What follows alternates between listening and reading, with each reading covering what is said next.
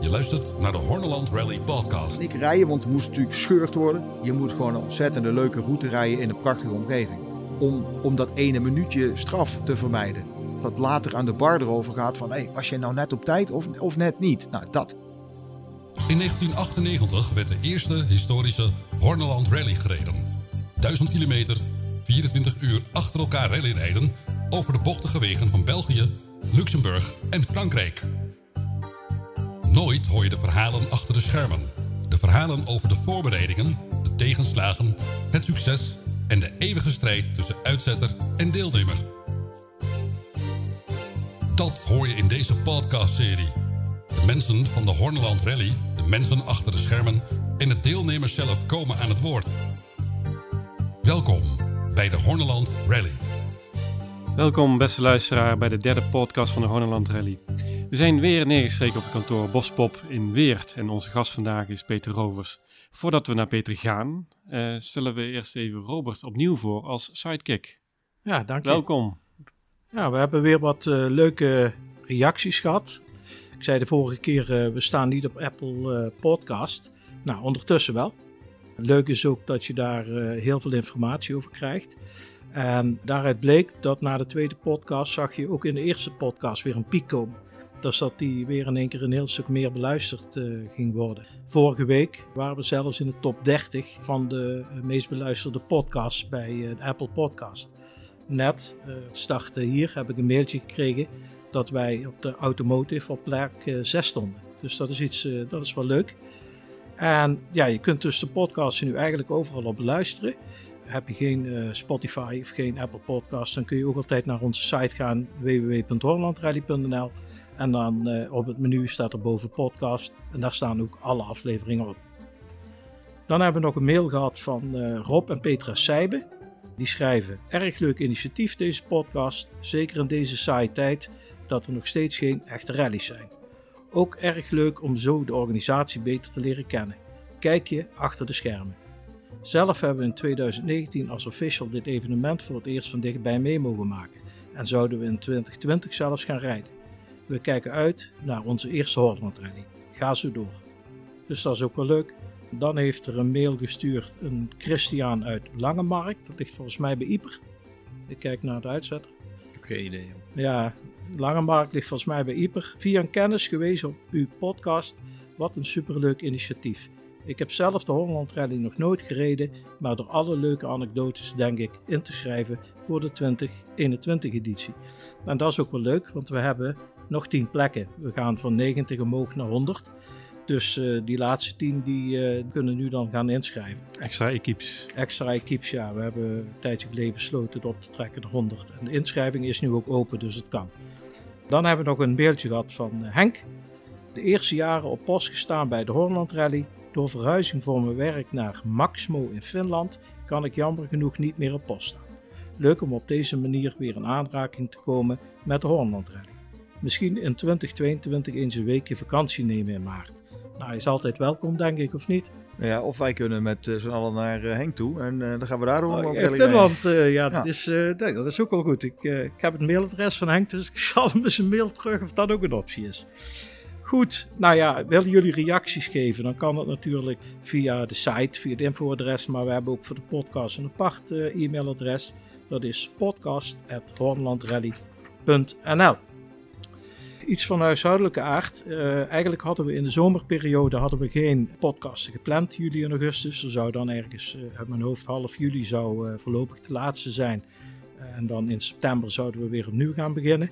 Juriaan en ik hebben samen besloten om twee podcasten aan de jaren 62, 73 te gaan besteden. Daar hebben we heel veel informatie van. En daar gewoon wat statistieken, dat soort zaken allemaal. Ja, daar zitten natuurlijk van de oude rallynamen, bekende namen bij, is resetten enzovoort enzovoort.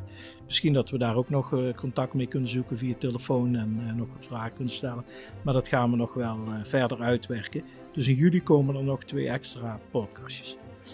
Dan hebben we nog een hele leuke mail gehad van een deelnemer. Dat is eigenlijk een heel uh, verhaal op zich. Uh, ik heb hem naar aanleiding van die mail gebeld of hij dat verhaal niet bij ons uh, wilde inspreken. vond hij allemaal een beetje, ja, dat, een beetje, een beetje moeilijk. Hij vond het wel leuk, maar hij zei, ja, als het aan mij ligt, dan laat het, spreek het zelf in. Het, de mail mag zonder meer voorgelezen worden, maar ik laat het over aan iemand anders. Dus misschien leuk als we nu even daarna gaan luisteren.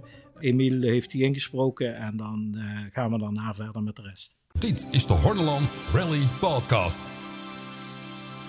Als deelnemer aan historische rallies en luisteraar naar jullie leuke podcast, ik dat het leuk zou zijn om ook eens te reageren.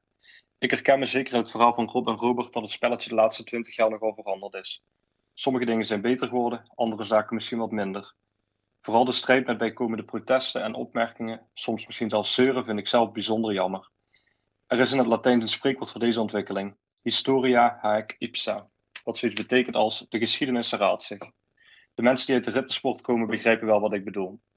Laten we hopen dat dit niet gaat gebeuren. Als deelnemer neem je vaak aan dat alles goed geregeld is. Dat mag ook. Maar je staat er eigenlijk niet bij stil wat er gedaan moet worden om ons als deelnemer een leuke dag of weekend te bezorgen.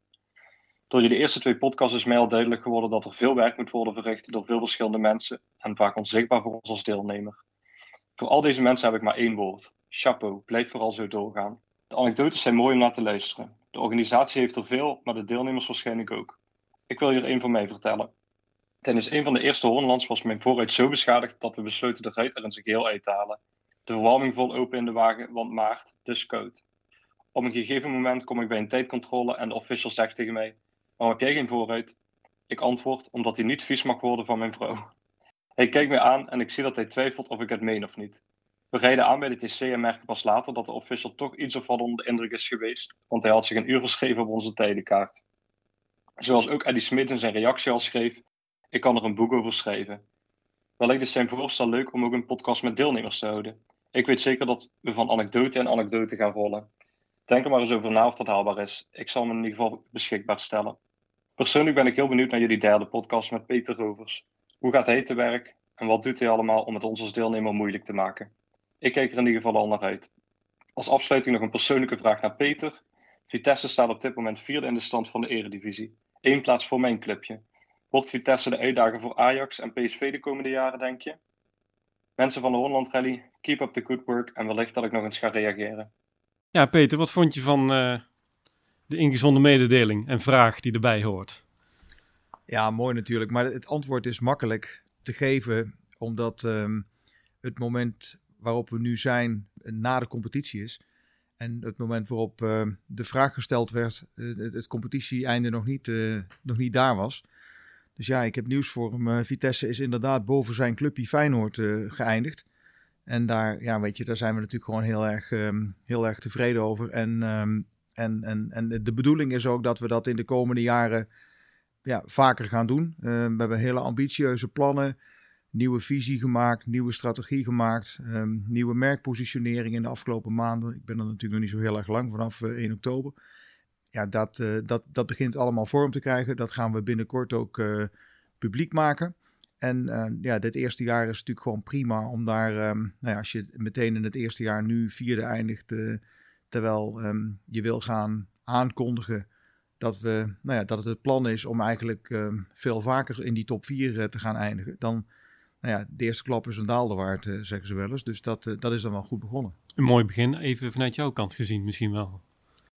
Ja, maar ja, ik, daar moet ik natuurlijk heel terughoudend in zijn. Want uh, uh, ik ben verantwoordelijk voor, voor commerciële zaken en strategie. En um, mijn collega Johannes Spors in de directie is verantwoordelijk voor voetbalzaken. Samen met, met Thomas Legend, het is natuurlijk de trainer. En het is natuurlijk hun verdienste wat er op het veld gebeurt. En mijn rol is om um, ervoor te zorgen dat, uh, dat er uh, invulling gegeven wordt aan de randvoorwaarden. Zodat zij hun werk goed kunnen gaan doen. En dat we de inkomsten realiseren waarmee we het bonnetje kunnen betalen. En, uh, maar goed, het is natuurlijk mooi dat het gebeurt en dat je daar een, uh, een, een, een, onderdeel van bent. Precies. Um, welkom aan tafel. Ja, um, we beginnen elke podcast, tenminste als het gaat om de gasten, met een voorstellingsronde. Dus uh, bij deze de vraag aan jou, stel je eens voor, wie ben je en wat voor werk doe je? Nou, dat laatste ja. heb je al een beetje verteld. Ja, dat laatste, daar zijn we mee begonnen. Dat was een beetje de, de, we hebben een andere volgorde gekozen met dank aan de vraag. Maar ja, ik ben... Um, Peter Rovers dus. Ik ben 56. Uh, Eindhoven geboren, nooit weg geweest, terwijl ik eigenlijk wel op allerlei andere plekken gewerkt heb. Door de jaren heen eigenlijk begonnen als, als, als marketeer in, in, in, de hogeschool van Philip Morris. In de tijd dat je met tabaksmarketing nog geen paria was. dat Marlboro nog het grootste merk in de wereld was. En ik als niet-roker daar de kans kreeg om ervaring op te doen met, met marketing op het allerhoogste niveau. Van daaruit naar, naar Filmnet gegaan als marketingdirecteur. En daar kwam media en marketing bij elkaar. Vervolgens, ehm, in die betaaltelevisieperiode, was de truc dat we sportrechten moesten hebben om betaaltelevisie in het land te introduceren, eind jaren 90. Dus toen kwam sport erbij en toen had ik die driehoek te pakken als um, sport, marketing en media. En, en dat is eigenlijk, uh, nou ja, dan was je in die tijd een beetje een pionier mee. Maar dat is daarna eigenlijk mijn hele, als een rode draad door de rest van mijn carrière blijven lopen. Dus uh, inmiddels ben ik, ik ben een aantal jaren bij PSV geweest, ook als commercieel directeur. Uh, inmiddels uh, sinds oktober, dus bij Vitesse. Ook als, als commercieel directeur in onderdeel van het directieteam van drie. Ben um, getrouwd, al um, meer dan 25 jaar met dezelfde vrouw, dus tegenwoordig ook een prestatie. En ik heb een zoon van 24 die werken en studeren nog combineert. En bijna aan het einde is van zijn studietijd en dus aan het begin van zijn carrière. Mooi, mooie samenvatting, even kort. Um, we gaan meteen over naar, uh, naar de vragen die we uh, natuurlijk hebben, want we hebben natuurlijk al echt nagedacht over wat gaan we meneer Rovers vragen. We kennen hem al een tijdje, maar even voor de buitenstaander, wie, ja, wat is je taak binnen die Horneland Rally? Ja, dat heet officieel wedstrijdleider en, en uitzetter. En het is natuurlijk vooral uitzetter, omdat dat wedstrijdleiderschap, dat is, laten we nou zeggen, 24 uur bij de hand doen op de dag dat de rally plaatsvindt. Het werk zit er natuurlijk in, in de periode daarvoor, omdat je de, de route uitzet. Ehm, ja, dan moet ik zeggen, daar heb ik een ongelooflijke grote hulp gevonden hier in deze organisatie bij, bij Rob Scheurs. Omdat ik in een soort van luxe positie ben dat ik bij hem een kaart aanlever met strakke instructies van wat er moet gebeuren. En dat Rob eigenlijk feilloos invulling daaraan weet te geven. En uitstekend met het, met het hele Photoshop om kan gaan. En wat ik in het veld um, en achter mijn bureau gecreëerd heb, weet om te zetten in een kaart waar de deelnemer dan mee op pad gestuurd wordt. En die, het, het feit dat je dat met elkaar kunt doen, dat maakt ook dat ik dit kan doen naast het drukke werk wat ik heb. Want op het moment dat je dat allemaal zelf zou moeten doen, nou het is absoluut geen dagtaak, maar dan is het wel heel veel meer. En nu hebben we dat met z'n drieën goed ingevuld. Drieën, de derde is uh, Stan Kigge, omdat die de vertaling naar de, naar de vergunningen doet. En we hebben een drie-eenheidje wat, uh, wat dan op die manier verantwoordelijk is voor het feit dat we ja, die deelnemers een, een rally kunnen voorschotelen waar ze uh, mee aan de slag kunnen. Ja, dus je wordt ook al gedeeltelijk ontlast eigenlijk bij hetgeen je doet voor, voor de rally. Ja, nou, ik denk dat we, heel goed, dat we dat goed gedaan hebben, dat we een goed team gemaakt hebben. En, en um, um, dus het organisatorische deel, zeg maar even naar de, naar de horeca vertaald, dat neemt Robert voor zijn rekening. En um, nou ja, we hebben veel, uh, of nou veel, we hebben goed overleg op het moment dat het nodig is. We zitten niet bij elkaar omdat we zo nodig bij elkaar moeten zitten. En ik denk dat de optelsom klopt, dat het werkt. Ja. Hoe ben je in de autosport terechtgekomen? Ik, ik heb um, de, de podcast van, uh, van Robert en Rob uh, ook geluisterd. En toen hoorde ik ze zeggen: iedereen die in het klassieke spelletje zit, die heeft een oorsprong in de rittensport. En dat geldt voor mij ook. En die, um, dus ik begon ook um, ergens in de tachtige jaren op de achterbank bij mijn ouders, die een puzzelritje gingen rijden. Waar je een koelkast kon winnen, zullen we maar zeggen. als je dat op zondagmiddag de beste was. Dat was echt letterlijk zo. En dan, ja, dan reed je zo'n puzzelritje. En, en ik vond het wel grappig en ik snapte het goed. En, en naarmate je wat ouder werd, toen ging ik met een, uh, met een broer van mijn moeder, de jongste broer, dus mijn oom. Ja, die was ook maar weer tien jaar ouder dan ik. En dan ging ik mee op pad en dan gingen we het samen doen. En toen bleek dat ik het echt snapte als, als navigator. En toen wonnen we van alles. Maar dat was toen nog een beetje aan de routebeschrijvingskant. En eigenlijk in de negentiger jaren ging ik samen met, uh, met Joep Wanders, gingen we kaartleesritjes oppakken, ook nog steeds in dat rittensportcircuit. En eind jaren negentig, toen ook de Horneland uh, zijn oorsprong vond, uh, toen, um, toen kocht ik een klassiekertje. En toen um, dachten we, we gaan die klassieke relletjes meedoen.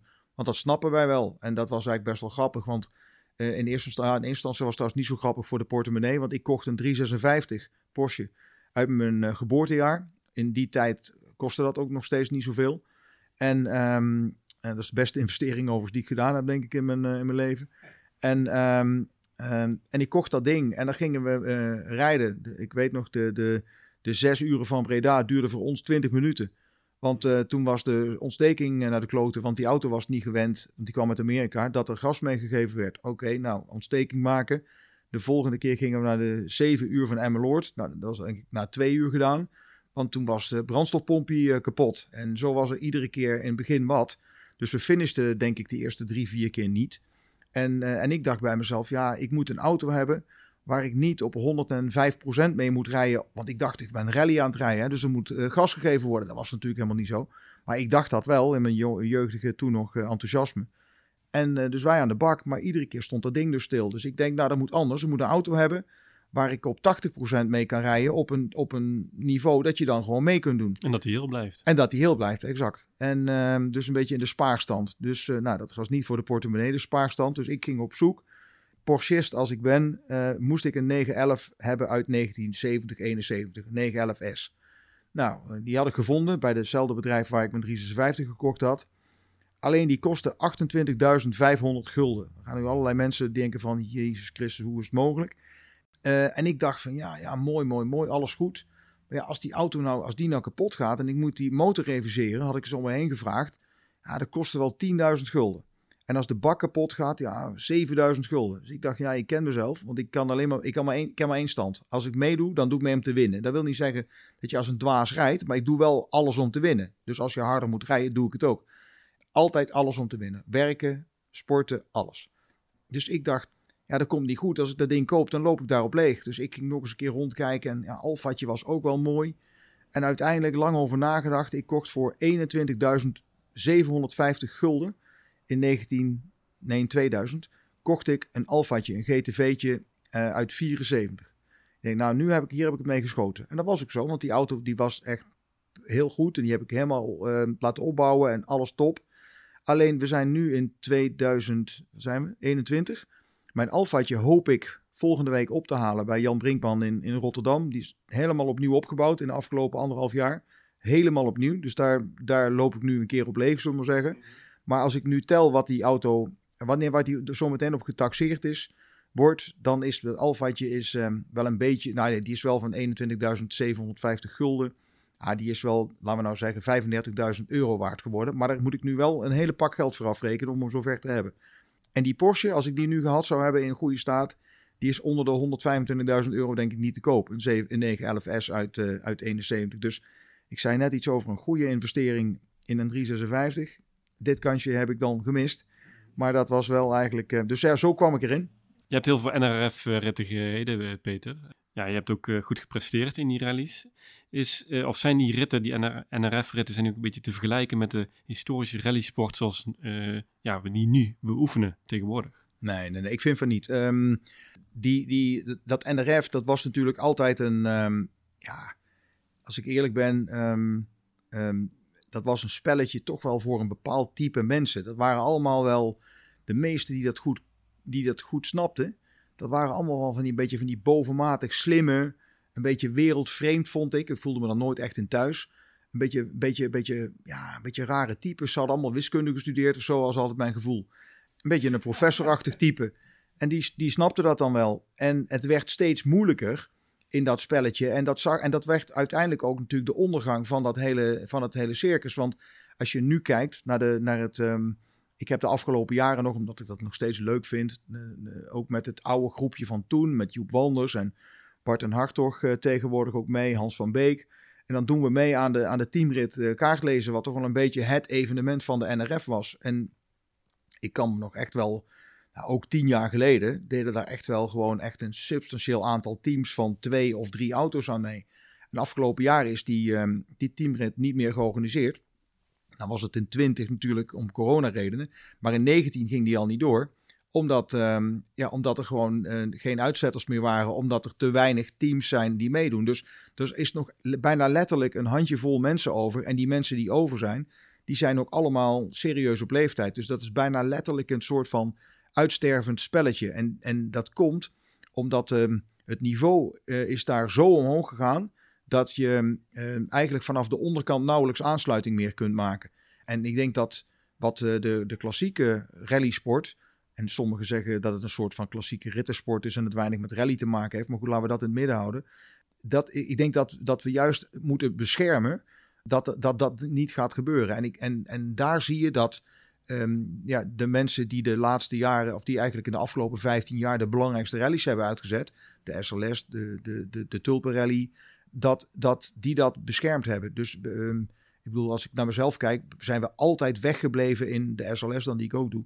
Uh, van, van dat hele technische. SLS is hartstikke moeilijk. Dat vindt iedereen waarschijnlijk de lastigste, de moeilijkste rally van het jaar.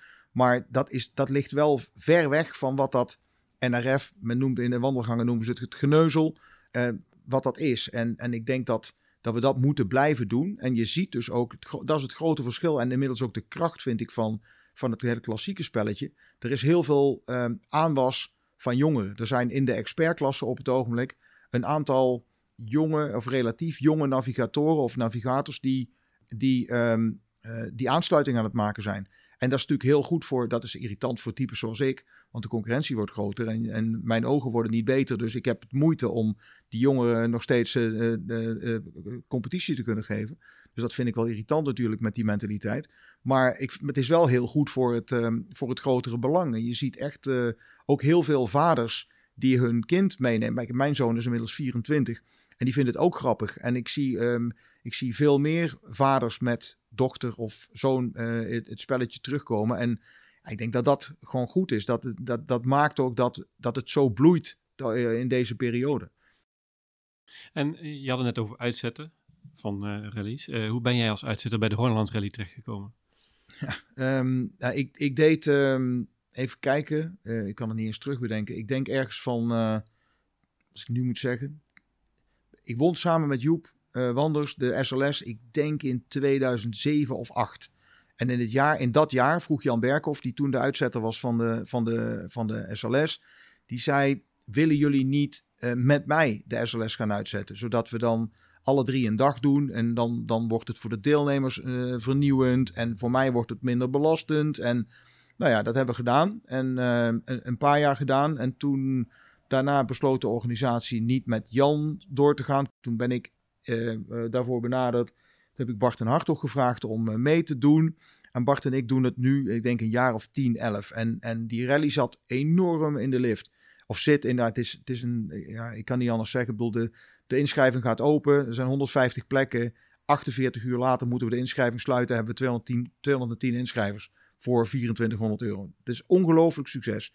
En um, Um, en eigenlijk in die, in, die, in die periode, een paar jaar terug, zag je bij de Hornland het tegenovergestelde. Daar zag je dat, dat een rally waar je eigenlijk, ik, ik herinner me nog, ik heb zelf heel vaak meegedaan, dat op, op de dag dat de inschrijving openging, dan had je al drie, vier mails gekregen. Let op, uh, donderdagavond, uh, acht uur gaat de website open. Nou, iedereen zat achter zijn laptop op dat ding te drukken, want uh, je moest inschrijven zo snel als het kon.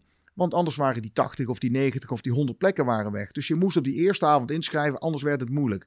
Nou, en dat gevoel, dat is op een gegeven moment weggeëpt. En dan zie je dat dat, ja, dat, dat, dat, dat gebeurt, om, om welke reden dan ook. Ik kan het niet helemaal goed beoordelen. En ik vind het ook niet prettig om, daar, om het verleden te veroordelen. Want dat is zo makkelijk als je het nu doet om te zeggen dat daarvoor alles kloten is. Want dat was natuurlijk helemaal niet zo.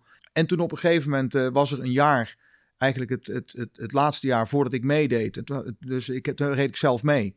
Ja, en toen was, het, uh, toen was het overdag heel veel door dorpjes met een tijdschema wat echt niet kon. Het was, het was, ja, het ging gewoon echt niet. En dus iedereen zat schierend uit de tijd. Er gingen veel mensen s'avonds teleurgesteld naar huis. Die zeiden, dit kan helemaal niet meer in deze tijd. En, uh, dus ja, de, de, dus de, het, het, de deel, het deelnemersveld stond onder druk. De mensen waren ontevreden. Dus uiteindelijk besloot denk ik, de organisatie, maar ja, daar kan Robert anders meer over vertellen, om, het, om een andere weg in te gaan. En, en wij hadden wel eens een keer contact, uh, Robert en ik, en die zei, zou jij niet het op willen pakken, kunnen doen, want bij de SLS gaat het zo goed en zouden we dat niet ook bij de Hoornlanders kunnen gaan proberen. En daarnaast heb ik natuurlijk, ik ben niet alleen maar uitzetter door mijn werk en door wie ik ben, ben je ook betrokken bij de organisatie en bij de, bij de communicatie en het netwerk wat er aanhangt. Ja, goed, en zo zo dacht ik van nou oké, ah, de Hornland vond een interessante rally om, om te doen. En nou, ik vind zelf het systeem met puntenvrije route op de Michelin-kaart niet heel moeilijk uitzetten. Dus ik kon ook wel overzien dat ik dat er wel bij kon doen. Dat het niet een enorme aanslag zou zijn. Dus um, gedaan, 20 2019, dus in 2018 besloten, uitgezet en in 19 voor de eerste keer gereden. Je werkwijze die je hanteert bij SLS in vergelijking met de Hoornland, is die anders? Is die vergelijkbaar? Nee, hetzelfde. Hetzelfde. Waar, waar het volgens mij op neerkomt is ehm, waarom mensen het leuk vinden, is dat ehm, het is competitief. Het is altijd, het is transparant. Um, wij hebben bij, um, bij de SLS, ik, ik, uh, ik hoorde wat straks even in wat, in, in wat Robert voorlas van een, een, een reactie van een deelnemer die zegt, ja, en dat geprotesteren en al dat soort dingen. Niks protesteren. Er valt niks te protesteren, want het is gewoon goed. Het is gewoon strak uitgezet, goed nagereden door iemand die het goed kan. Huiswerk goed gedaan, goede kaarten gemaakt. Laatste keer, de, de, de, mijn eerste en tot nu toe laatste uh, ook met, ja, ik doe het dus niet dat ik ermee stop, maar ik bedoel, het is, ik heb pas één keer kunnen doen, terwijl we al drie jaar verder zijn sinds 2018, dat wil ik zeggen. Maar um, um, ik bedoel, nul vragen, nul briefjes, nul protesten, niks. Maar dat was voor ons ook vrij nieuw, hè? Ja, ja, ja dat klopt. Ja, maar ja, dus, dus het, is, het is strak uitzetten, goed controleren, ook daar echt tijd in investeren. Ik heb een afgelopen keer, en ik heb dit jaar weer gedaan, ik heb Joep uh, Wanders gevraagd uh, om, om, om na te rijden, omdat ik weet dat dat een echt mag je dat zeggen in een podcast, een mierenneuker. Maar uh, hij is zo'n pietje precies dat ik af en toe moe van word. Maar dat helpt gewoon heel erg goed om dat net die laatste paar procent erbij te pakken, waardoor alles gewoon strak is. En uh, dus met Joep nagereden. Uh, dus dat is denk ik één deel. Dus de rally klopt. En het tweede is gewoon dat je, door, doordat ik dit al zo lang doe, dat uitzetten, met uh, ook wat er bij de SLS gebeurd is. En dat is niet alleen mijn verdienste. Dat is een team. Dat is echt een heel goed team. Wat we hier ook hebben. Uh, die, die, met, elkaar goed uit de wind houdt. Die elkaar goed ondersteunt. En dan op een gegeven moment bouw je wat op. En dat heet misschien reputatie. Uh, maar dat klinkt, al niet, dat klinkt niet zo bescheiden. En, en dan denken mensen van ja, oké, als ze, dan het zal wel goed zijn. En dan zie je dus dat we vorig jaar, ondanks wat er het jaar daarvoor gebeurde, toch um, uh, ongeveer op hetzelfde aantal deelnemers uh, kwamen. Zelfs ietsje meer, geloof ik. Terwijl er heel veel afhakers waren. En er heel veel mensen waren die zeiden: Ja, ik wilde eigenlijk niet meedoen, maar nu denken we dat het goed komt. En vervolgens zetten we daar met z'n allen een evenement neer. Uh, nog steeds de nacht door. Waren de reacties daarna zo goed dat we nu na één jaar al op een uitverkocht huis zitten. We zitten nu op 90 en we hadden gezegd dat we 90 wilden hebben. Ja, we hebben nu besloten, omdat de belangstelling groot is en je merkt nu dat de honger ook groot is om te gaan rijden. Zegt nou oké, we geven tien mensen extra de kans. En ik maak me echt nul zorgen dat die tien erbij gaan komen. Maar dan ben je dus in één jaar tijd van, van, van onderin de 60 met 30 te, ontevreden klanten, ben je terug naar 100 man aan de start. En hopelijk hebben we dan, want dat is natuurlijk dat is wat je echt wil, hebben we dan volgend jaar bij de inschrijving, of net dus dan dit jaar voor de 2022 editie. Dus dat er in september voor iedereen achter zijn laptop zit om met die vinger op die enter te drukken om te kijken of je erin kunt komen om in te schrijven. Dat is wat we natuurlijk met elkaar weer willen, schaarste creëren. Ja. Zet je buiten de SLS en Holland nog andere rallies uit? Nou ja, het, buiten de, ik moet een klein beetje werken nog.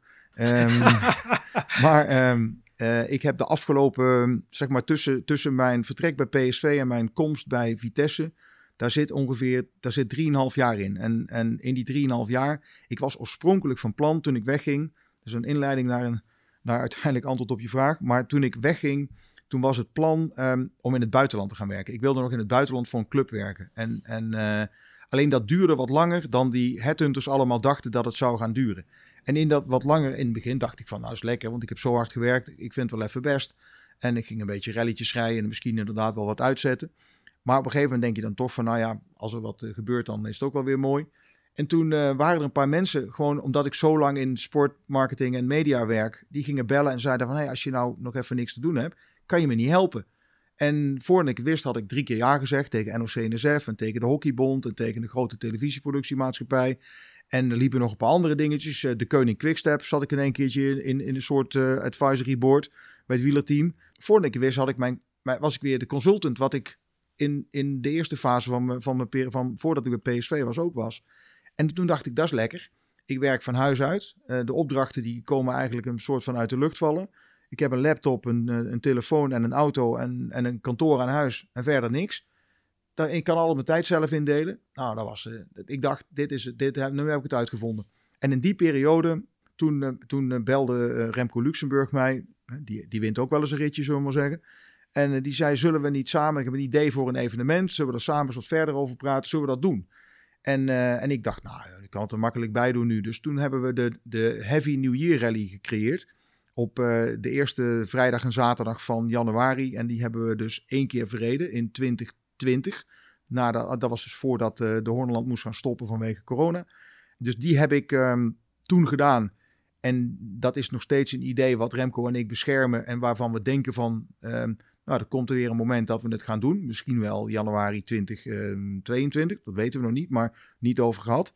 En eigenlijk in het afgelopen, maar, goed, en in het afgelopen coronajaar, nog steeds uh, voordat ik bij Vitesse was, toen hadden we met het SLS-team dat we dachten, je kan twee dingen doen in zo'n periode. Je kan zitten snurken en denken van, oh, wat een ellende allemaal, we kunnen niks. Of je kan een beetje creatief doen en een oud idee wat je met elkaar hebt, te proberen tot leven te brengen. En dat laatste hebben we gedaan. Dus we creëerden de Tartan Classic, een, um, een rally in, uh, in, Schotland, waarbij we een soort van balans wilden vinden, waar de Horneland voor mij een wedstrijd is en waar, waar tijdschema strak is en, en, en, het, en het lastig moet zijn.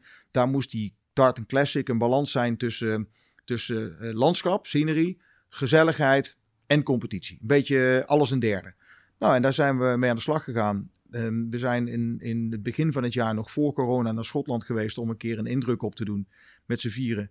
En dus vanuit het kernteam van de SLS. En, um, en daarna zijn we, dachten we, nou, dan gaan we de loop van het jaar uitwerken. Ja, toen kwam corona. Toen hadden we wat veel tijd om uit te werken.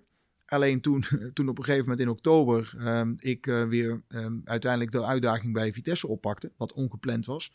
Toen, had ik, uh, toen dacht ik later wel een keer van oké, wacht even. Dus als ik nu een normaal alles doe wat ik deed, dan moet ik dus in januari 22 die Heavy New Year Rally uitzetten. Een tweedaags evenement is waar Remco en ik allebei de helft doen. Is te overzien zou je kunnen zeggen. Dan hebben we de Horneland Rally. Dan hebben we de Tartan Classic in begin juli. Dus gelukkig na het voetbalseizoen. Dus dat kan ook, roep ik dan, de opportunist.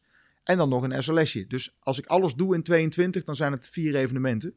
Maar of ik dat ga redden, dat is even de vraag. Want ik ben vrij druk nu op het ogenblik. Ja, maar als ik dit allemaal hoor, en, en, en Robert met mij, dan, vraag ik me, dan heb ik toch een belangrijke vraag van hoe kom je aan de energie om alles te combineren met wat, hetgeen je niet doet en op de planning hebt staan? Ja, dat is wel makkelijk. Dat heeft, dat heeft met, met, uh, met uh, ja, hobby is niet eens genoeg. Met liefhebberij heeft dat te maken. Kijk, ik kan, ik kan thuiskomen.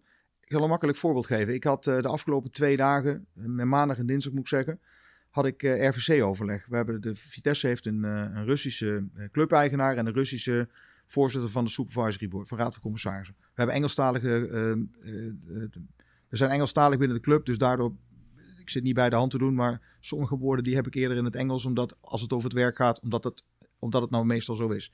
Zo hadden twee dagen um, hadden we uh, uh, uh, raad van commissarissen. En dan kom ik aan het einde van die tweede dag eigenlijk graag thuis. Want we hebben, het vergt heel veel voorbereiding. De hele dag geconcentreerd. Ik, weet je, ik had heel veel dingen daarvoor moeten voorbereiden. Het waren toch wel vrij inspannende discussies om het allemaal naar een goed einde te leiden. En dan kom ik thuis op dinsdag, ik denk om een uurtje of negen. En um, mijn vrouw, Juliette, die ging om um, om, ik denk, half elf tukken. En ik pakte om half elf deed ik een laptopje open. Een andere dan ik meeneem naar kantoor overigens. Maar die deed ik open. En toen heb ik uh, nog tot half één heb ik met mijn neus in kaarten gezeten. En dat, dus dat is niet van... Was het dan ontspanning op dat moment? Ja, 100%. Dus ik ben, ik ben daar, dat, dat, dan is het leuk om te doen. Ik, ik zit met mijn neus in die kaart. In dit geval was het het voorbereiden van het narijden van de SLS. Wat we volgende week gaan doen, zoals het er nu naar uitziet. Dus dat is ook voor het eerst sinds, sinds anderhalf jaar dat we, dat we echt in een auto zitten met een kaart en weer iets gaan doen. Dus daar kijk ik op zich wel naar uit. Maar dan ben ik dus gewoon, dan ben ik afgeschakeld van wat ik aan het doen was. Dan denk ik niet meer aan wat ik overdag gedaan heb. Dan ben ik met iets anders bezig, wat ik leuk vind. Dus het is, op dat moment is het ontspanning. En natuurlijk denk ik wel eens van, oké, wacht even. Ik moet nu volgende week, woensdagavond, moet ik me melden uh, Nürburgring, uh, want daar is de start van SLS. En dan moet ik donderdag, vrijdag, zaterdag, zondag vier dagen narijden. En dat moeten we nog voorbereiden. En ik moet nog dit, dit en dit doen daarvoor. Dan denk ik wel eens natuurlijk van, oh ja, dat moet wel even ergens passen. Dus natuurlijk is dat soms wel eens een zorg. Maar op het moment dat ik daarvoor zit, dan, is, dan voelt dat niet als werken. Dat voelt echt als, ik ben met iets leuks bezig. Ik ben met mijn hobby bezig. En, uh, en fysiek? Ja, dat, kan, ja, dat manage ik heel goed. Dat, uh, ik sport wel, ik train veel. En, uh, dus ik, ik zorg dat ik fit, blijf, fit ben en blijf. Maar um, ja, ik kan er goed mee omgaan. Ik heb niet zoveel slaap nodig. Dus als ik vijf, zes uur in het bed lig, dan, uh, dan is het ook op zich ook wel oké. Daar kan ik goed, om, goed mee omgaan. Dus ja, ik, uh, bij mij ontbreekt het niet aan energie. Dat is soms ook wel eens vermoeiend voor mijn omgeving, moet ik zeggen. dat is een eerlijk antwoord. Tenminste, ja, en ja, ja, ja, ja, zeker. En, en herkennen. Ja, zo, zo, herken ik Peter ook. Hè. Dat, uh, dat is één brok energie. Dat, uh, ja, dat is ongelooflijk. Uh, even terug naar de Horneland Rally zelf, Peter. Hoe ga je te werk als het gaat om een nieuwe route? Ja, um, kijk, ik zei in het begin al ergens een keertje van... ik vind het niet zo moeilijk uitzetten. omdat, um, kijk, als je handig met de Michelin-kaart bent, dan maakt het een stuk makkelijker. Maar je bent natuurlijk redelijk beperkt als uitzetter bij de Horneland. Want op de Michelin-kaart staan niet zo heel veel wegen. Dus je hebt niet zo heel veel alternatieven. Dus wat ik doe is, um, ik wil proberen om, ja, weet je, je wil niet de herhaling van vorig jaar vinden. Ik ben, ik zei straks al van, oké, wat is nou karakteristiek voor als ik uitzet? Dat is, um, ik, ik neem de expertklasse als vertrekpunt. Want ik doe dit vanuit passie en hobby. En mijn, mijn passie is dat ik die expertklasse navigatoren een oor aan wil naaien. Op een faire manier. En dus dat maak ik eerst, want daar haal ik de lol uit. En dan vervolgens moet je zorgen dat je voor de sportklasse en voor de tourklasse een alternatief maakt wat past bij de kwaliteiten van de mensen en de interesses van de mensen in die klasse. Dat je niet die tourklasse die nog nooit een kaart vastgehad heeft, na 15 minuten al laat verdwalen dat hij bij God niet weet waar hij naartoe moet. Dus daar hebben we allemaal geen belang bij. Nou, en um, dus dat is, dus ik begin bij een expertklasse. En wat een verschil is, ik denk dat er in het verleden dat het vaak ging over van oké, er staat een punt op de kaart. Waar dat punt precies staat, maakt niet zo heel erg veel uit. Maar het gaat erom dat je de weg vindt waar dat punt op staat. En dat je zo hard mogelijk moet rijden, want het tijdschema is eigenlijk te kort, te krap. Ik hoorde Rob en, uh, en Robert zeggen in die, in die podcasten van, van hun eerste keren... dat er in het begin met, met 75 gemiddeld gereden werd en dat er wat gesmokkeld werd, waardoor het over de 80 was. Nou, dat is natuurlijk nu niet meer. Maar de Horneland was ook de laatste jaren natuurlijk vaak gewoon standaard 50 per uur. En zie maar dat je de punten haalt. En dan was het gewoon, als je hard reed, dan de punten vond je eigenlijk wel. De, de mist, er zijn jaren geweest dat de, dat de eerste vijf uh, ja, nul of één bordje een keer miste. En, en de afgelopen jaren, of de, nou, twee jaar geleden dan, dat ik het gedaan heb, gingen gewoon um, uh, mensen die al, nou, uh, een aantal deelnemers, gewoon ook mensen die al gewonnen hebben, die al, Ad van der Werven bijvoorbeeld, dat is wel mooi, daar heb ik veel contact ook wel mee, die heeft twee keer de Hornland Rally al gewonnen. En die mist gewoon die rally, ik weet het niet meer, vier, vijf bordjes. Uh, gewoon punten waar hij niet is geweest. En waar hij zich ook niet realiseerde dat hij niet op het goede punt was. Nou, dat is het ultieme. De ultieme lol als deelnemer of als uitzetter. Dat, je, dat de mensen dus niet aan het dwalen zijn. Omdat ze geen idee hebben wat er aan de hand is. Maar dat ze denken dat ze op het goede punt zitten. Terwijl het goede punt op een weg daarna staat. Wat de oude weg is. Of wat net. Je, en dat, dat probeer ik te vinden. En dat vind je niet door kaarten te vergelijken. Ik ben, een, ik ben een uitzetter die in het veld uitzet. Dus ik ga met een kaart. Ik heb wel voorbereid van oké, ik wil ongeveer deze route rijden. En die ga ik dan rijden. En dan let ik heel goed op wat er gebeurt. En, en, en als er dan een keer een oude wegsituatie is, of als je wat kunt creëren, want je kan natuurlijk ook in de kaarten nog wel eens een keer wat veranderen. Uh, nou ja, dat zie ik onderweg. En, en, dat, uh, nou ja, daar heb ik het later met Rob over. En ik zei straks al, die is uh, buitengewoon handig met, met, met Photoshop. En die weet dat dan op een dusdanige wijze in die kaart te vertalen dat de deelnemers dat uh, moeilijk kunnen onder, uh, onderkennen. Ja. Is, is het werk uh, te vergelijken? Het is een beetje een afgeleid van een eerdere vraag van, van, van, van zojuist ook. Um, is het werk wat je bij de Hornland doet te vergelijken met die bij andere organisaties? Ja, in principe wel. Want het komt eruit. Kijk, in de basis gaat het erom dat wat, wat, waar, het echt, waar het echt om gaat, maar het in ieder geval voor die rijders om gaat, is je moet gewoon een ontzettende leuke route rijden in een prachtige omgeving. Dus het gaat om de kleine weggetjes te vinden en om, om uh, weet je, het landschap en, en, en, en veel bochten en veel sturen. En als je daar dan, kijk, buiten, kijk, buiten de bebouwde kom.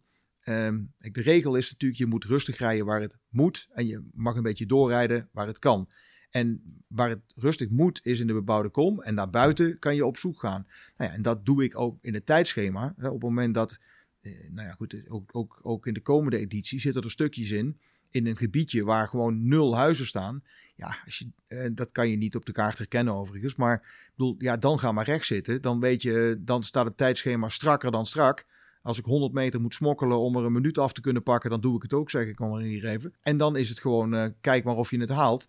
En dan gaat het wat minder om de moeilijkheid van het punt. Maar dan is het meer de uitdaging voor de rijder om te kijken of hij die minuut kan pakken. En het mooie, wat, het, wat ik nou het mooie vind in het spelletje, dat is dat ja, iedereen dan stinkende best doet om, om dat ene minuutje straf te vermijden. Dat ene, ene puntje. En dat dat later aan de bar erover gaat van, hey, was jij nou net op tijd of, of net niet? Nou, dat, die lol die we met elkaar hebben, eigenlijk voor iemand die niet weet waar we het over hebben, die denkt van, zijn er voor een mafkees, joh, die, die, ik begrijp het niet. Hè? De navigator die gaat het over een bordje. Oh ja, had je hem gezien, de oude weg? En die rijder denkt, ja, ja, nee, maar dat ene traject, dat was strak en ik had gas gegeven en ik had het net gehaald. Dat, ja, dat is het mooie. Dat, dat, dat probeer je te vinden en, en te creëren. En dat is ook de beleving die je wil oproepen bij de deelnemer. Ja, en dat is eigenlijk altijd hetzelfde. Of je nu, of je nu uh, kijk, bij, bij de SLS gaat het soms op Michelin en soms op een, op een 100.000 IGN-kaart in België en soms op een stafkaart in Nederland. Dus dat zijn trajecten met een heel verschillend karakter. Maar in de basis gaat het erover, je wil mensen een uh, mooie route laten rijden. Je wil ervoor zorgen dat er een tijdschema is met uitdaging, maar wat wel past binnen de omgeving. Dat je niet na de 15 auto's uh, gepasseerd te zijn, dat je de, de hele gemeente buiten hebt staan en de politie achter je broek aan hebt zitten.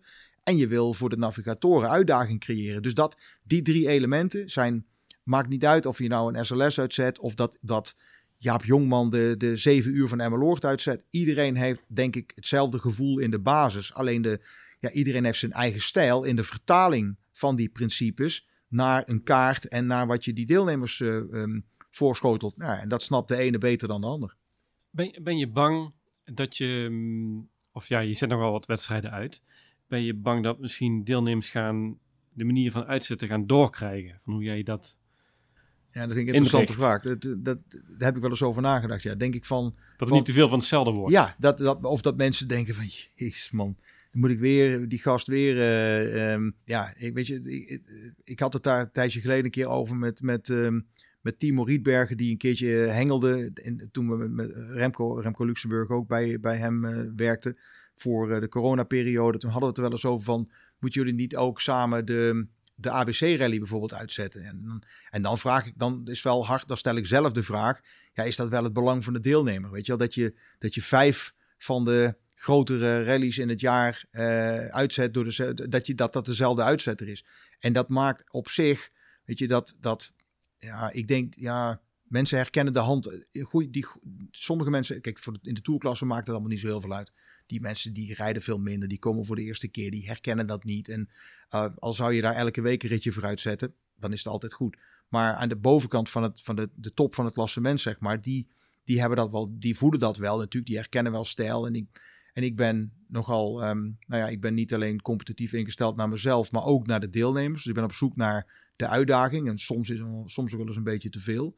En ik denk dat het beter is gewoon dat er een balans is door het jaar. Dat je, nou ja, ik vind een mooi voorbeeld bij de SLS. Dat doe ik dan samen met Bart en Hartog. Ja, daar daar heb, hebben mensen het over de dagen van Bart en de dagen van Peter. Die hebben een eigen handtekening.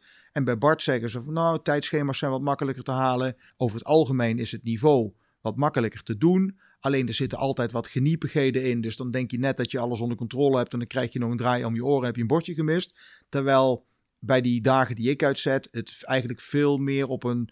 Het is eigenlijk altijd wel competitief. En sommigen vinden het ene leuker. En anderen vinden het andere leuker. En de combinatie werkt daar heel goed. Dus ja, ik denk wel dat het verveelt nog niet voor de deelnemers, merk ik. Maar het is wel, je, je moet ook niet door blijven gaan. Je moet er niet uh, al, die, al die evenementen op gaan vegen. Ga ik ook zeker niet doen.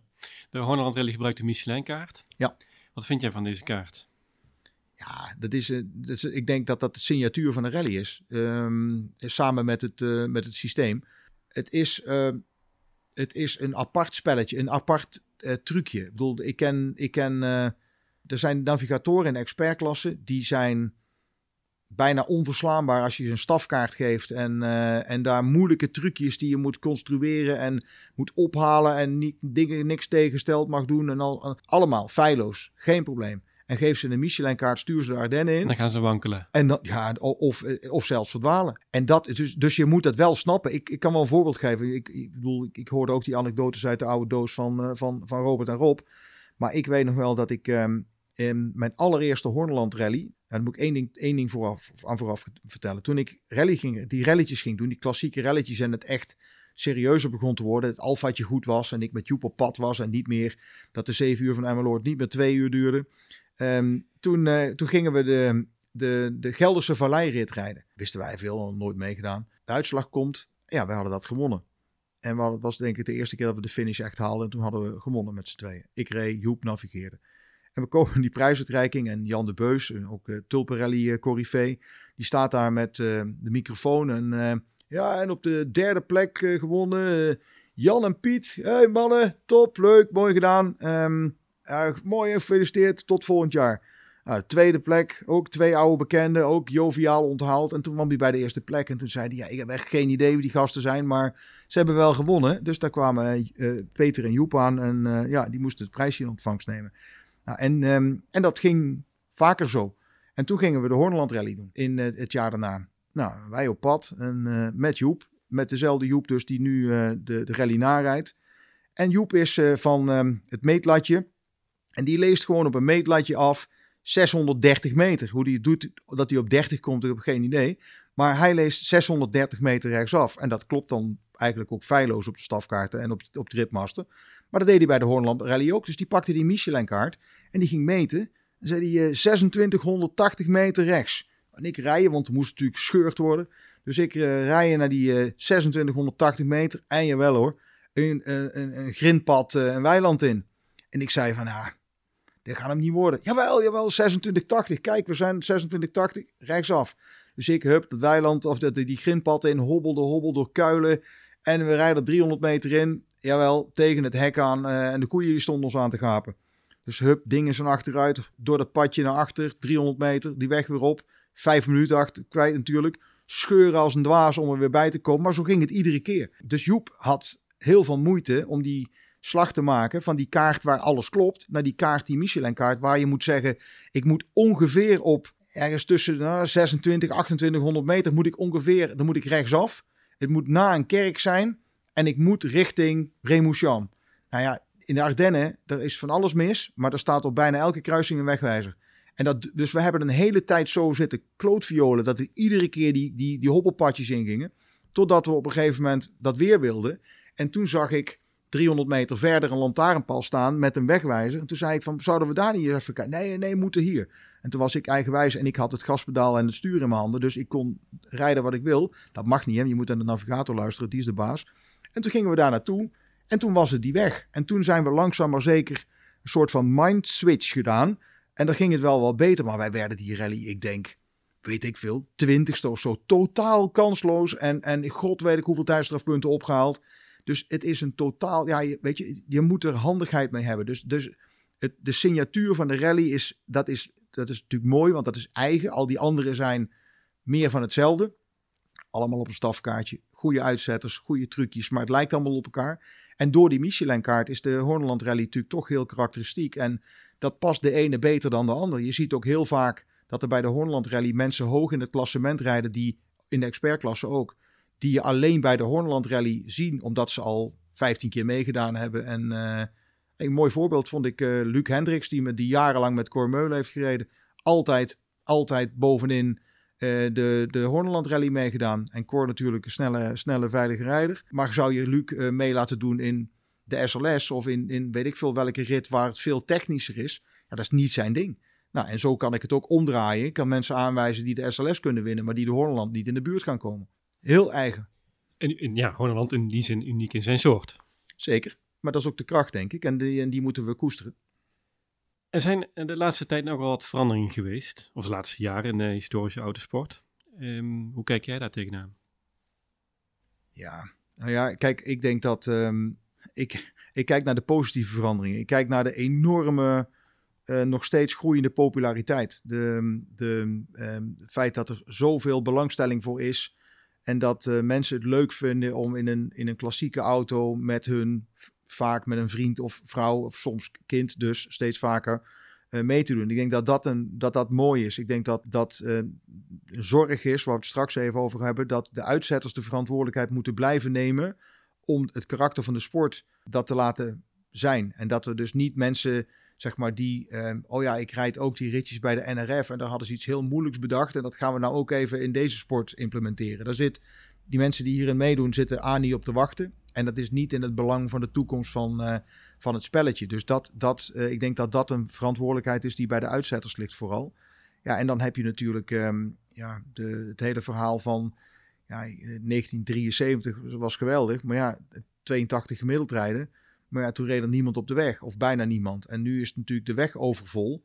En wij willen nog steeds met 50 gemiddeld um, in een bevolkt gebied gaan rijden. Ja, dat kan niet meer. Dus ook daar moet je als organisator je verantwoordelijkheid nemen. Want anders kom je in de problemen met, met vergunningen. En, uh, en ik denk dat we dat nog steeds heel goed voor elkaar hebben. Dat we uh, vorig jaar, mijn eerste editie, hadden we de vergunningen goed voor elkaar. Alhoewel we af en toe toch wel iets moesten aanpassen omdat een gemeente niet wilde meewerken. Toen hadden we natuurlijk nog het probleem dat we de nacht doorgingen. Wat eigenlijk wel mooi en spannend is. Hè? Wat Robert ook het, het, het echte karakter van de Hoornland vindt. Maar ik bedoel, het kan eigenlijk niet meer hè, met, met de vergunning. We kregen toch voor sommige stukken gewoon geen vergunning. En moesten we er helemaal omheen, om, uh, omdat die mensen gewoon zeiden: ja, je krijgt wel vergunning, maar niet tussen 10 en 4 of tussen 10 en 6. En dus dat zijn wel ontwikkelingen waarvan je dan denkt: van ja, ik denk dat, dat met name de organisatoren en dus zeker ook de uitzetters een hele grote rol hebben in het beschermen van wat we met z'n allen aan het doen zijn. Dat je verantwoord moet blijven, dat je tijdschema moet ja, haalbaar moet zijn in de omgeving waarin je rijdt. Want dat is denk ik het allerbelangrijkste. En dat, je, um, ja, dat het niveau, dat iedereen het leuk moet blijven vinden. Dat het een balans blijft tussen, oké, ik wil graag een beetje doorrijden. Ik wil vooral een super mooie route rijden. En ik wil wat van het landschap zien via weggetjes waar ik zelf nooit zou komen. Als ik op zondag uh, een stukje zou zeggen van ik ga eens een, ik ga eens een eindje uh, rondtoeren. En, en, um, ja, en, dat je, en, ja, en, en, en gewoon het gedrag van de deelnemers. Ik denk dat, dat dat moet je met z'n allen bewaken. Ja, nou, meteen uitkomt bij die vraag. En dat is inderdaad uh, een goede, denk ik. Welke tips heb je voor de deelnemers die in Holland gaan rijden? Dus ook deelnemers die misschien de eerste keer willen gaan ja. deelnemen en, en, en bestaand. Ja, kijk, het begint natuurlijk bij het feit dat je auto goed voor elkaar moet hebben. En zeker in, in een periode dat, je, dat, het, dat die auto misschien wel anderhalf jaar in de garage heeft gestaan, denk ik dat het belangrijk is dat je dat uh, voor elkaar zorgt dat het voor elkaar is. Veiligheid boven alles. Verder ja, tips. Um, kijk, voor onervaren deelnemers uh, geldt natuurlijk altijd dat het goed is om je een keer goed te laten voorlichten door iemand die het snapt. En daar zijn soms worden daar cursussen voor gegeven. Dat gebeurt soms door een ervaren navigator die dat als hobby doet, of die dat gewoon ook zakelijk wel eens doet. Er zijn wat uh, initiatieven die dat een soort van, nou, gewoon uh, uit liefhebberij doen met, uh, met een onkostenvergoedingje. Ik denk dat dat goed is, dat je af en toe een keer een, een, een oefenritje gaat proberen. En dan, dan um, liefst ook nog met die Michelin-kaart. Maar dat is natuurlijk lastig, want dat, dat wordt niet zoveel aangeboden. Ja, ik, ik denk, ja, je moet, weet je, ja. Ik denk uiteindelijk gaat het er natuurlijk om, je moet het doen om te kunnen begrijpen. En je moet fouten maken om het de volgende keer beter uh, te gaan doen. Dus uiteindelijk moet je er gewoon instappen en denken van, oké, ik vertrouw erop dat de organisatie begrijpt dat ik nog nooit heb meegedaan. Nou, als iemand nooit heeft meegedaan, ja, daar is bijna, dat, dat is bijna niet te managen als organisator. Want ja, als je niet snapt wat oost en west is op de kaart of wat links en rechtsaf is. En dat uh, met name links is wel eens lastig om, om te bedenken. Zeker als je naar het zuiden rijdt. Maar ja, dan wordt het lastig. Maar wij hebben natuurlijk wel gewoon ook wel de verantwoordelijkheid gepakt om ervoor te zorgen dat die tourklasse ook echt wel gewoon te doen is. Maar ja, je moet wel snappen hoe je met de, met de, met de kaart moet ja, omgaan. En voor de bestaande deelnemers is natuurlijk gewoon uh, ja, soms ook een beetje uh, trial and error leren door het te doen. Natuurlijk, ja. ja. De EDC, of ja, de editie 2020 van de Holland Rally, die is dus helaas verschoven ja. door uh, COVID. hoe was dat voor jou?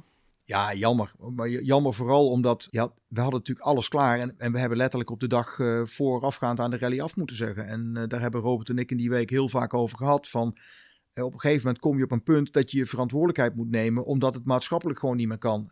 dus ook al zou het nog zou het niet verboden zijn, moet je je afvragen als iedereen terughoudend is en thuis blijft. Of je dan nog als organisator überhaupt een evenement met 180 mensen plus de organisatie 200 mensen moet willen organiseren. Antwoord was nee. En dat hebben we denk ik ook heel verstandig uh, aan gedaan om dat, om dat te doen. Dus dat is wel teleurstellend. Aan de andere kant, uh, ja, alles ligt klaar. Letterlijk, de routeboeken liggen natuurlijk klaar. Ja, we kunnen bij wijze van spreken morgen, morgen aan de slag. Kun je iets vertellen over de 2021 editie? Ja, niet te veel natuurlijk, want dan is de lol eraf. Maar ik, moet, ja, ik, ik, ik reed hier naartoe en toen dacht ik van, oh ja, ik moet zo meteen iets over die route zeggen natuurlijk. Maar wat was het ook alweer? Want ik heb uitgezet in, even kijken, 2020. Dus ik heb uitgezet in uh, oktober, november, december 19. Nou, dat is bijna twee jaar geleden voor mijn gevoel. Dat is anderhalf jaar geleden natuurlijk. Maar het is zo lang geleden. Maar het is, ehm, ja, weet je, het lijkt heel erg qua, qua opzet natuurlijk op het voorafgaande jaar. Want dat, daar was iedereen heel enthousiast over. Dus dat trek je natuurlijk door gebied natuurlijk weer anders. Je wil niet steeds door hetzelfde gebied rijden. Eerste jaar hebben we Duitsland een grote etappe gedaan. Dat doen we nu niet. We hebben nu een hele uitdagende avondetappe in een, uh, in een heel donker deel van, uh, van de Ardennen. Wat, wat bedoel je trouwens met het eerste jaar? Ja, mijn, sorry, mijn eerste, jaar. eerste, jaar. Ja, ja, ja. ja, dus dat was nee, 2019 dan. Ja. dus dat is weer ja, de druk zit er wel weer op. Daar, daar waar het kan is het tijdschema heel krap. Ik weet zeker dat er weer een aantal ja, punten in zitten die door, um, die door niet alle deelnemers um, uh, aangedaan gaan worden. En in die context nog wel grappig in, die, in, de, in, de, in, in zeg maar mijn eerste editie dus, de vorige. Uh, daar, um, de deelnemers vonden na afloop dat er een aantal soort van, ja, daar was ik naar op zoek, soort van noviteiten in zaten. Dat je ja, ook met een tijd, dat je een tijdcontrole zeg maar zou kunnen missen. Het ging normaal altijd over van haal ik een punt ja of nee. Maar ik, twee voorbeelden. Er was in, in Duitsland ergens ligt een, uh, ligt een herpinnetje over het asfalt gewoon. Maar daar ligt een, een, oude spoorweg, een spoorbaan, die ligt daarnaast. En je kan ook net voor die herpin kan je via het, um, het onverhard naar boven rijden. En over het spoor heen, een spoorviaduct. En aan de andere kant weer naar beneden. En dan kom je ook weer keurig op de asfaltweg uit. Dus ik had dat punt duidelijk, Rob had dat punt duidelijk naast de weg neergezet. Dus de TC stond boven. En, en in het donker, pikdonker. Ik had tegen de tijdcontrole gezegd, licht uit. Um, en pas aandoen als er een deelnemer vlakbij je staat. Dus hem niet naar boven lokken. Nou, ik narijden met Joep. En Joep rijdt onder dat spoorwegviaductje door, eronder door. En staat stil en zegt de uh, TC. Pikdonker. Ik zeg, nou, ik zie niks. Ja, maar hier staat toch de TC? Ik zeg, nou ja, echt niet. Staat hij, ik zie niks. Nou, hij allemaal kijken, en rijdt een stukje achteruit. Ja, maar Joep, ik zeg, er staat niks. Ja, maar hoe kan dat nou? Toch zit ik dan allemaal op de goede weg? Hij wil me kijken. En toen was hij al drie minuten aan het klungelen. En toen zei ik tegen hem, hey, ik zie daar uh, lichten van boven komen. En uh, dat was natuurlijk niet, maar dat was even fictief dan natuurlijk. Dus hij kijken, nou oké, hij had in de gaten, er lag ook een weggetje buitenom en hij had buitenom moeten rijden. Nou, zo ben ik met, de, en dat vinden, de deelnemers vonden dat buitengewoon grappig. Want die stonden dus daaronder dat viaduct en die denken, wat gebeurt er nou? En die moesten dus inderdaad, als je een minuut wacht en je voorganger was wel boven, ja, dan zie je hem natuurlijk naar beneden komen. Ja, dan moet je nog achteruit, dan moet je die ingang zien te vinden. Dus voordat je boven bent, zijn er vier minuten voorbij. En het tweede deel was, later in de rally we een hele mooie, was een oude kaart gevonden. En de, de, de nieuwe provinciale weg, die liep gewoon keurig uh, rechtdoor. En op de oude kaart, vroeger liep de provinciale weg halverwege met een knik naar links. Alleen, die oude weg lag er nog steeds. Dus ik had die oude kaart gepakt. En ik had twee tijdcontroles neergezet. Eén op de nieuwe weg en één op de oude weg. En op de nieuwe weg die was goed voor de Tour en de sportklasse. En op de oude weg was de goede TC voor de expertklasse. Exact dezelfde afstand, dus qua tijd maakt het allemaal niks uit. Nou, dat hadden ze nog nooit meegemaakt, uh, hoorde ik dan later. Maar ik had tegen die tijd, de tijdcontroles moest daar zijn om vijf uur s'nachts. Dus ik kom daar met het voorrijden van de rally, half vijf. Ik zeg tegen die mannen lichten uithouden. Maar let op, het zou kunnen, het zou zelfs kunnen dat hier niemand komt. Maar het kan ook zijn, als er, als er iemand komt, dan moet je met applaus ontvangen. Want dan, nou, uiteindelijk waren er drie of vier deelnemers geweest. Ik denk de eerste vier van het klassement, die hadden hem.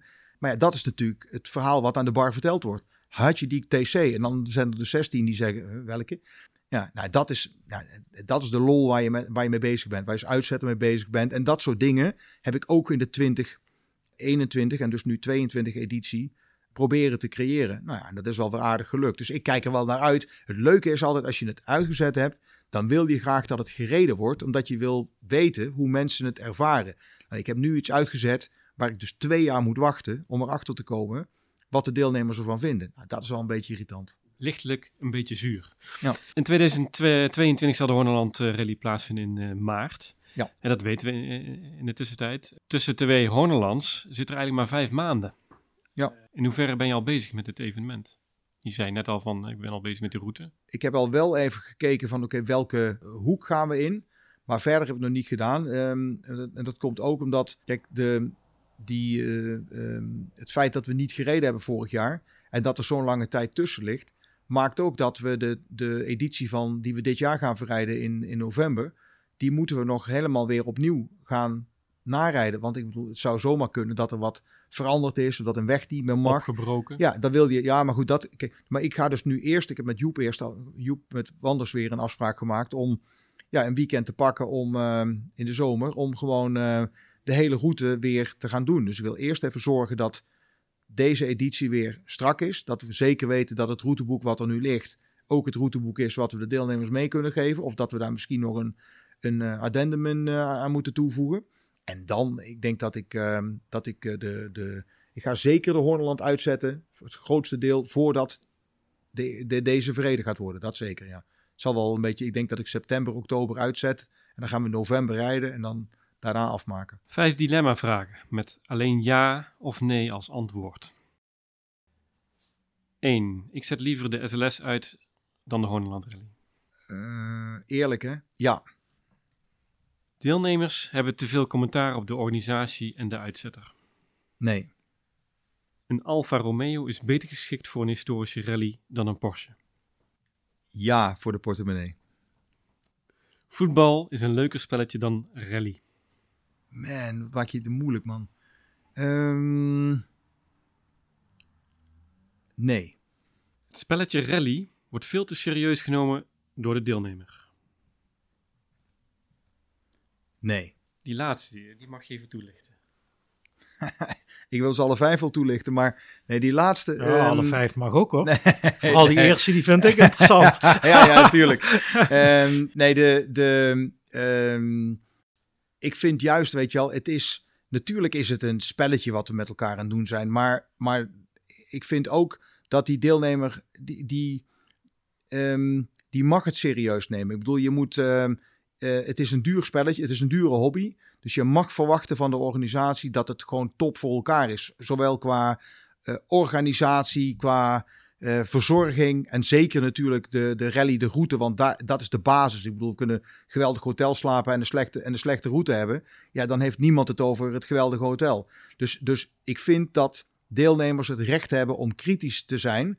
En, ehm, en ik vind ook in, over het algemeen dat deelnemers eh, heel veel respect tonen voor organisatoren. Dus ik, ik heb nu, ik kan nu, als je me nu zou zeggen, geef me nou zo'n slecht voorbeeld. Ik kan me nu niks bedenken van dat ik vind dat ik onheus, of ik, niet alleen, maar als organisator, of het nou Hornland was of die SLS, dat we onheus bejegend zijn omdat deelnemers echt gewoon aan het zeuren waren. Dat, ik, dat is, mensen, er is gewoon veel respect. En als je als organisator respect toont naar de deelnemer, dan krijg je dat 100% terug. Want het zijn namelijk, het is, we zijn natuurlijk wel met z'n allen bezig hier. Ehm, het feit dat er nogal een prijskaartje aanhangt, zowel qua auto als, als inschrijfgelden. Je hebt wel met een bepaald soort publiek te maken. Je hebt, het- zijn nette, goed opgeleide mensen, over het algemeen redelijk welstandig. Dus die, die zijn respectvol, maar die hebben wel het recht om, als ze geld betalen, een kwalitatief evenement te krijgen. Dus ik vind vanuit die optiek dat zij, nee, geen problemen mee. Ten slotte, Nou ja, tenslotte wil ik dan, ik, ik, ik zei net, ik wil zo alle vijf, dat ga ik niet doen. Maar Robert die wilde nog horen, eh, vraag 1, SLS of eh Horneland. Maar dat heeft, dat heeft, ik vind het, ik, het, het uitzetten is allebei even leuk. Maar ik ben natuurlijk al, al, al, al zo lang bij eh, de SLS dat dat, dat en het is natuurlijk wat intensiever. Het zijn vier dagen, er zit meer voorbereiding in. Terecht zei jij al eerder een keer van ja, alles wat er omheen komt buiten de route vergt heel veel tijd. En als je dus vier dagen op pad bent met hotels en alles wat er moet gebeuren met lunches op dat hoge niveau, dan vergt dat dus veel organisatie. Dat doen we met een vast team. Ja, en dat voelt een beetje als, ehm, als ja, dat voelt, dat voelt voor mij nu nog meer als familie dan Hornland, als je begrijpt wat ik bedoel. Weet je, ik doe dit nu, ik, ik mag hier nu drie jaar rondlopen en één rally. En één rally hebben we gedaan. En bij de SLS is dat eh 10, 12 jaar. En met, met, met Kees de Jong, met Jolanda en met Bart. Ja, we zien elkaar privé, weet je. De, de, de- en dat, dus dat, dat is de reden waarom ik daar ja zeg. Maar het heeft eigenlijk niks met evenementen te maken. duidelijk, duidelijke reden. Ehm, afsluitend, eh, Peter, heb je nog een leuke anekdote aangaande de Horneland Rally of andere rallies? Ehm, of wil je nog ergens op terugkomen? Nou, nee, ik hoef nergens op terug te komen. Want eh, ik ben altijd spontaan en transparant. Dus ik heb nergens spijt van wat ik gezegd heb. Nou ja, nee, anekdote. eh, één ding nog. Dat, dat, en dat is, dat is natuurlijk ehm, bij, de, bij de SLS eh, staan we elke avond doen, doen, uh, doen we daar een praatje richting, de, richting de, de, de deelnemers. Met een film van de dag en, en, en, en nou goed, een beetje een verhaal over morgen. En dan probeer je ook altijd wel wat, nou ja, wat anekdotes of dingetjes mee te nemen. Maar wat dat betreft vond ik het een van de meest grappige dingen die ik daar door de jaren heen meemaakte. En dat herken je, dat herkent elke, met name elke tourklasse, die zo af en toe zo'n hulpeloos gevoel heeft van wat moet ik nou toch doen? En ik vind het zo lastig en ik heb zo'n moeite om de route te vinden. Oh, daar rijdt een auto, rijden maar achteraan. We kwamen een keertje in een hotel, in het Poelman Hotel in Eindhoven binnen. En daar stond een, um, daar kwam je binnen, natuurlijk een heel mooi hotel. En er stond een, een dame bij de lift en die zei dan van, uh, je had je kamersleutel gehaald. En dan zei ze, meneer, mag ik u de weg wijzen? En toen hoorde ik een deelnemer uit de tourklasse achter mij zeggen, mevrouw, ik zou willen dat ik u vanochtend om tien uur was tegengekomen. ja, dat zijn leuke dingen. En dat gevoel, dat gevoel hebben natuurlijk heel veel mensen die uh, beginnen met rallyrijden en die het eigenlijk heel leuk vinden met, die, met hun autootje mooi gepoetst, uh, goed onderhouden aan de start staan. Die denken, nou, we gaan een mooie route rijden en we moeten doorrijden. En dan blijkt in één keer dat navigeren op die kaart um, toch wel een dingetje te zijn. Ja. ja. Peter, uh, we willen je bedanken voor je aanwezigheid, voor je tijd, voor je, uh, voor je leuke en interessante ervaringen ook. We willen je succes wensen met de voorbereiding. Holland Rally 2021 en 2022. En ik ga aan Robert vragen of hij uh, nog een kort verhaaltje heeft. Voordat we naar Robert gaan, wil ik je nog, nogmaals bedanken. Heb jij zelf nog een vraag aan ons als organisatie misschien? Of als mede-organisatie, leden? Nee, ik kan eigenlijk niks bedenken. We spreken elkaar natuurlijk regelmatig. Als er iets is, dan hebben we contact. Dat is ook prettig natuurlijk in zo'n organisatieteam, dat de lijnen kort zijn, dat je dezelfde taal spreekt. Dus er is niks wat ik uh, nu zou willen vragen, wat ik niet gisteren al gedaan heb, als het, op, uh, als het, uh, als het aan de orde zou zijn. Dankjewel. Robert. Graag gedaan. Ja, ik, ik vond het een heel leuk gesprek. En er, er, zijn een aantal verhalen die ken ik natuurlijk, maar er zijn er ook een heel aantal die ken ik niet. Ik vind dat is leuk om te horen. En alleen ik heb in mijn beleving, ben je Nederlands kampioen NRF geweest of zei ik nu helemaal fout? Ja, ja, ja ik, hebben bij de... Of een paar keer zelfs, ja, ja, ik heb, ja bij, de, bij de NRF heb ik... Uh, ja, ik kan niet... Dat kan ik... Dat, heel vaak was ik uh, Nederlands kampioen aan de uh, routebeschrijvingskant. Met Joep een aantal keren aan de kaartleeskant. En toen gingen we naar dat klassieke circuit toe. En toen hebben we ergens, ik denk ergens tussen, het zal het geweest zijn, tussen 2005 en 2010. Ik denk daar ergens. Toen hadden we er was een mooie strijd. Toen uh, was uh, Harm Lambrix, jullie wel bekend uit Weert. Die was altijd samen met Bart en Hartog. En ik was samen met Joep. En toen hadden we vijf opeenvolgende jaren. En toen waren Joep en ik. Of ja, we hadden niet alles samen gereden. Maar ik was in ieder geval 1-2-1-2-1 in het Nederlands kampioenschap aan de bestuurderskant. En Harm was 2-1-2-1-2. En omdat ik één keer met Bart had gereden en niet met Joep, was Bart ook drie keer kampioen en Joep twee keer. Maar dus dat was, ja, in die tijd telde dat, vonden we dat kampioenschap belangrijk. En nu vinden we de, het rijden en de lol met vrienden veel belangrijker dan dat we aan het eind van het jaar nog een bekertje mogen ophalen. Maar dat is ook wat leuke nu, de nieuwe opzet van Holland Rally. Dat we s'avonds ook na de eerste dag ook tijd hebben om uh, Heel wat, belangrijk. Wat, wat kunnen praten en een lekker biertje te kunnen drinken. Ja, meer heb ik eigenlijk niet, uh, Juriaan luisteraars bedankt natuurlijk voor de aanwezigheid online. Misschien of, of, of misschien opgenomen. We willen jullie uh, alvast uh, kenbaar maken dat op woensdag 9 juni de volgende podcast, en die zal zijn met Maurice Bergstein en Leo Gommans. Die gaan we ook opnemen bij uh, Bergstein in Bergen te Blijt. Die komt woensdag 9 juni online. Hiermee sluiten wij af. Bedankt voor jullie interesse en tot de volgende podcast. Hornland Rally, de historische rally die het meest teruggaat naar de basis van het rallyrijden.